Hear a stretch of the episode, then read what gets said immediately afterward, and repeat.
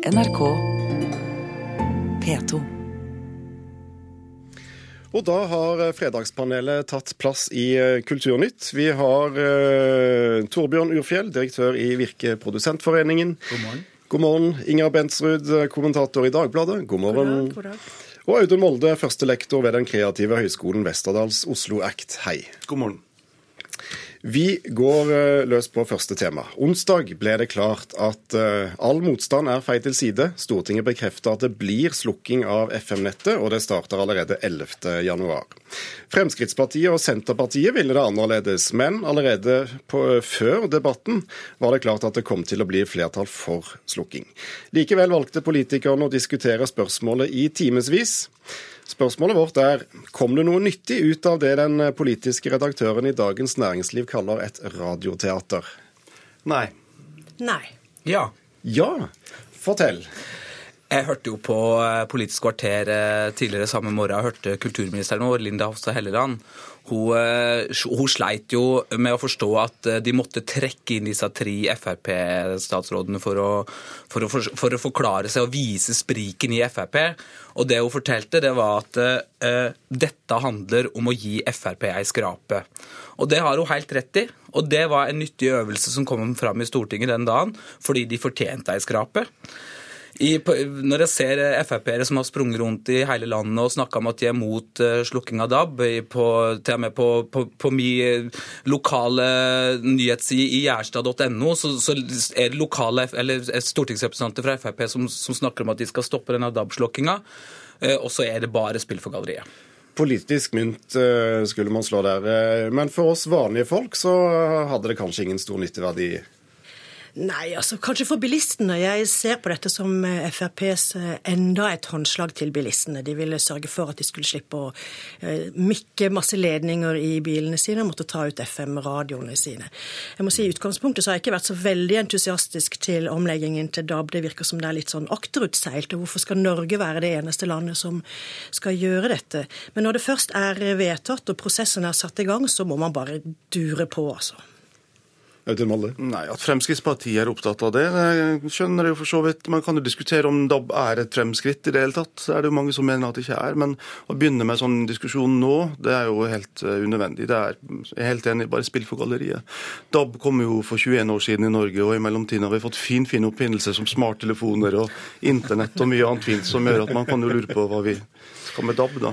Men neste år skal vi kaste 15 millioner radioer, så det blir mye, mye spesialavfall og mye plast som skal hives. Sysselsetting. Mm. Og skal, miljøperspektiv. Skal vi, hva skal vi gjøre med dem? Vi må sende dem til et eller annet sted hvor, de, hvor det bor fattige mennesker som trenger å høre på radio. og som jeg vet ikke, Sverige kanskje? Men det, men det, blir jo veldig lett, da, siden samtlige andre land i verden faktisk har FM-radio. Ja, ikke sant? Jo, men det er ikke alle mennesker som har radio, vet du. Kanskje det er, høyttalere, vet ja. du. Med bra adaptere. Kan få Jeg skal installere adapter i sølvsuperen min. Ja. Men dette er jo et stort teknologiskifte, uansett om noen mener teknologien er gammel. Og, og ting kan gå galt. Da er det kanskje et poeng at uh, politikerne får uh, på en måte sørget for at de kan ha ryggen fri hvis ting skulle gå galt? Ja da, selvfølgelig er det det. Men ja. vi, vi, får nok høre mer om dette her fra januar av og hele neste år, tenker jeg. Men det absurde er jo den her splitten i Frp, som de fortjener ei ordentlig skrape på. Det var det Linda Hofstad Helleland pekte på, at det var det som var hele øvelsen denne veka. Og, og, og det er godt å se at det ikke går an å være ansvarlig og uansvarlig på en gang.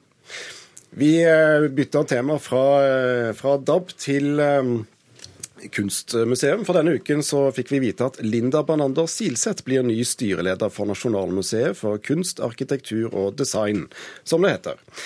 Det er en av de aller viktigste jobbene i Kultur-Norge, fordi museet for tiden bygger et av de, dyreste, unnskyld, et av de største museene i Nord-Europa, og hun får det øverste ansvaret for altså Norges dyreste kulturbygg. Silseth har vært sjef for Flytoget og fornøyelsesparken Tusenfryd.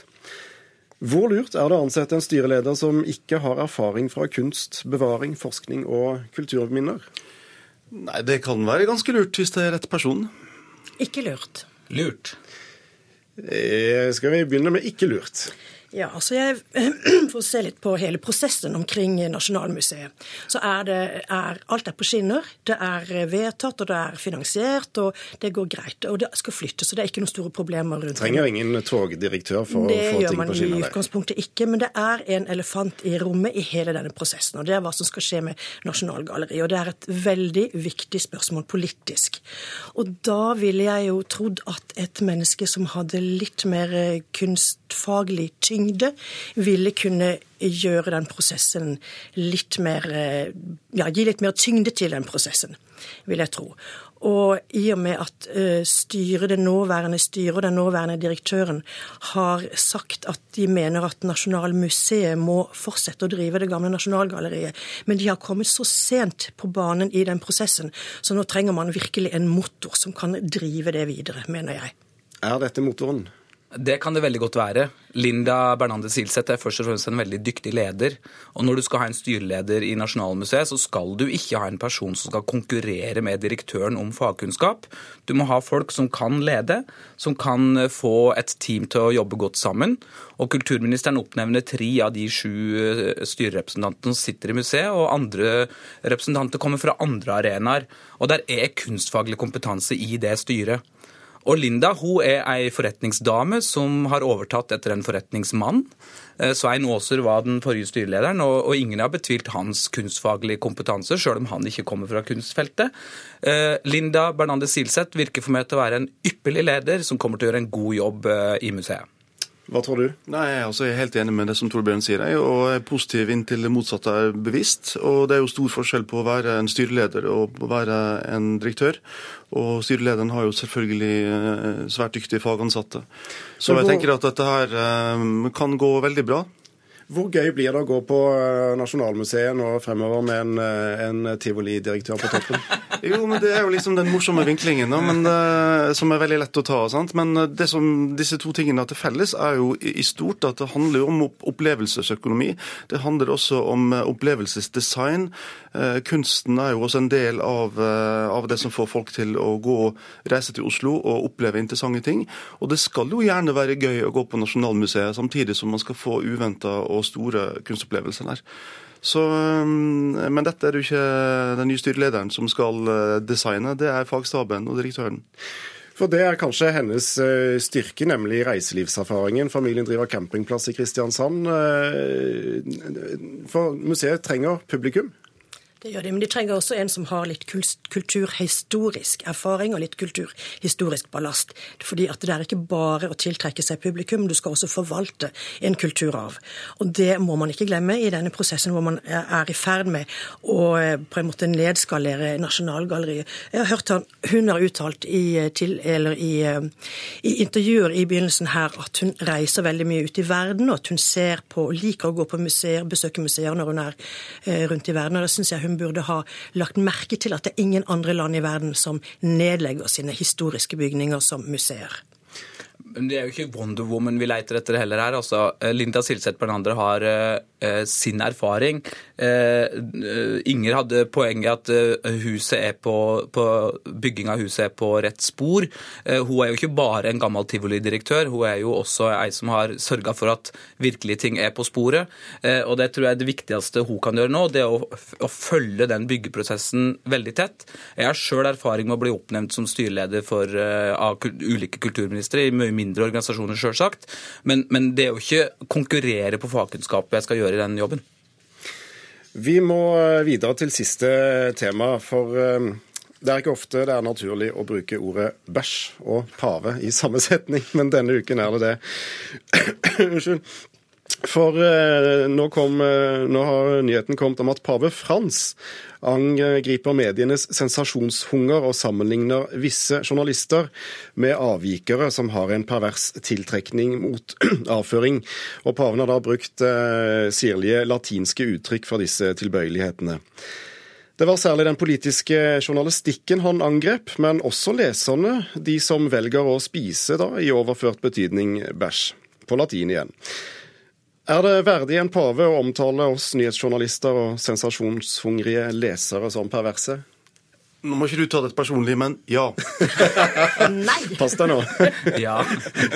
Hvorfor det? Nei, Dette minner meg litt om uh, gamle historien for 50 år siden da John Lennon sa at Beatles var mer populære enn Jesus. og Man henger seg opp i liksom, ordbruken mer enn poenget som ligger under.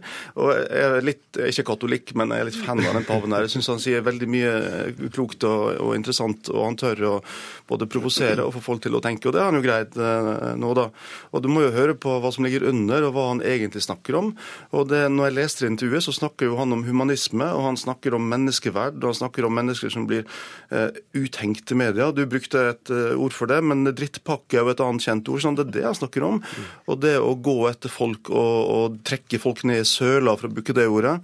Eh, som vi jo stadig ser at eh, medier gjør. Kanskje ikke så veldig mye i Norge, men ute i den store verden så er jo dette relativt kjent. Dette snakker paven om, eh, og det syns jeg er helt glimrende at han gjør. Men for oss journalister er det litt tungt. Ja, Det er ikke tungt. Jeg syns ikke det er uverdig heller. Jeg syns i og for seg det er egentlig ganske morsomt. Og jeg mener Hvis han har behov for å snakke om tiss og bæsj og promp, så syns jeg det er underlig at han pakker det inn i sånn teologilatin. Han kunne han ikke sagt eh, kalle en spade for en spade, som Sylvi Listhaug ville sagt. Men jeg syns det er et litt annet, uh, alvorligere undertekst i dette her. Og det er at jeg uh, steiler hver gang religiøse ledere blander seg inn i ytringsfriheten. Vi har masse eksempler på at det går skikkelig dårlig. Tenk på Muhammed-karikaturene, tenk på de som utsteder fatwaer til forfattere. Så bare tanken på at en så stor eller betydningsfull religiøs leder som paven skal begynne å blande seg inn i hva vi skriver og sier, det syns jeg er betenkelig. Men det handler jo ikke om bæsj. Eh, det er, ikke, det er ikke skatting paven snakker om, han, han snakker om eh, korpofagi. Og det er jo så befriende deilig å se en fyr som er så fullstendig ute av denne verden. Han holder på med latinen sin. Det er jo så arkaisk, og det er, så, det, det er noe helt annet enn det språket eh, verden ellers forholder seg til. Og korpofagi i denne sammenhengen handler jo om folk som, som tar til seg og videresender dritt. Eh, eh, forstått det med, med, med usannheter og, og, og, desinformasjon. Og det er den desinformasjonen og halvsannhetene paven angriper, og jeg digger det. Mm.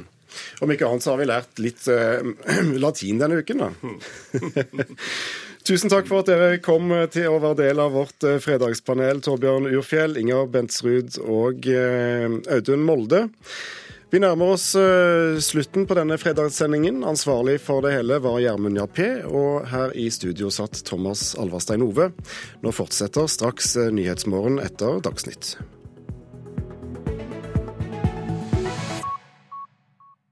Hør flere podkaster på nrk.no podkast.